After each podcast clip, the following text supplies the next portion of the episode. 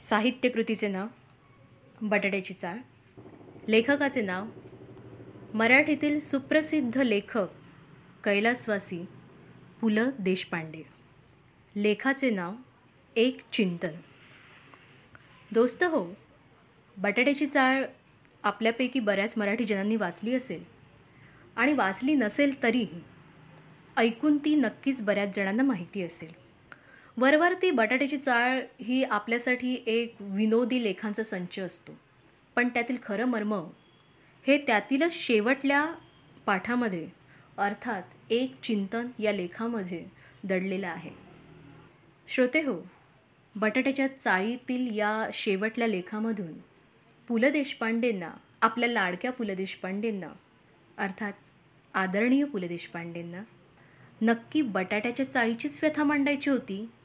की आपल्या भारतभूमीची व्यथा मांडायची होती आपण लक्षात घेतलं पाहिजे. त्या लेखातील ही काही वाक्ये. एक चिंतन. देशभर पारतंत्र्याचे वारे खेळत होते. पुढारी संख्येने बेताचेच होते. करमणुकीच्या कार्यक्रमांना सांस्कृतिक कार्यक्रम म्हणत नसत. नाटक नाच नायकिणीचे गाणे असे ठसठशीत शब्दप्रयोग होते. आणि असल्या गोष्टींशी संबंधित असणाऱ्यांना वस्तीच्या अलीकडे ओढण्याचा आग्रह नव्हता. साहित्याचा बाजार भरलाच नव्हता. फुटकळ विक्रीची दुकाने होती. अजून पेठ तयार झाली नव्हती. कुठेतरी दोन पाच पाले ठोकलेली होती. त्या समर्थांचे श्लोक छेलबटाव मोहिनेला टेकून उभे असत आणि ठकसेन राजपुत्राच्या खांद्यावर मान टाकून शनी महात्म्य विसावलेले दिसे. कथा कहाण्या सरळ होत्या. कुणाचे तरी भले व्हायचे नाहीतर निसंतान व्हायचे. वायफळ शब्दांचे बुणगे साहित्यात घुसले नव्हते. जे काही तिथे घडायचे ते दांडीवर टाकलेल्या राजापुरी पंचायतके स्वच्छ बिनसुरकुतलेले आणि देशी. कथानायक आणि नायिका सद्गुणी असत.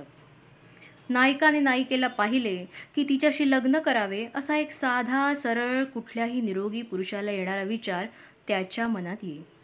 आणि मग कथालेखक उगीच त्या दोघांना इकडून तिकडून हिणवून शेवटी त्यांचे लग्न जमवीत. मग प्रियवाचक नावाच्या गृहस्थाला बरे वाटे. प्रियवाचकाचे मागणे त्याहून लई नसायचे. झोपेपुरते त्याला एखादे पुस्तक लागायचे कुठल्याही सद्गुणी माधवाचे आणि सुंदर व शालीन मालतीचे लग्न झाले आणि ती सुखाने नांदू लागली की तो निद्रादेवीच्या राज्यात जायचा. निद्रादेवीची वगैरे त्यावेळी राज्य होती. ती पुढे खालसा झाली. भांडणाला भांडणं म्हणत स्पर्धा म्हणत नसत. पण आता इलाज नाही. चाळ चाळ चाळ कोलमडत आली आहे. शेवटला घाव कोण घालणार? याची ती वाट पाहत आहे. तिला चिंता आहे. आणि शेवटीच आईला वाटते अरे नाही रे अरे नाही रे माझ्या पोटात यापेक्षा खूप खूप माया होती.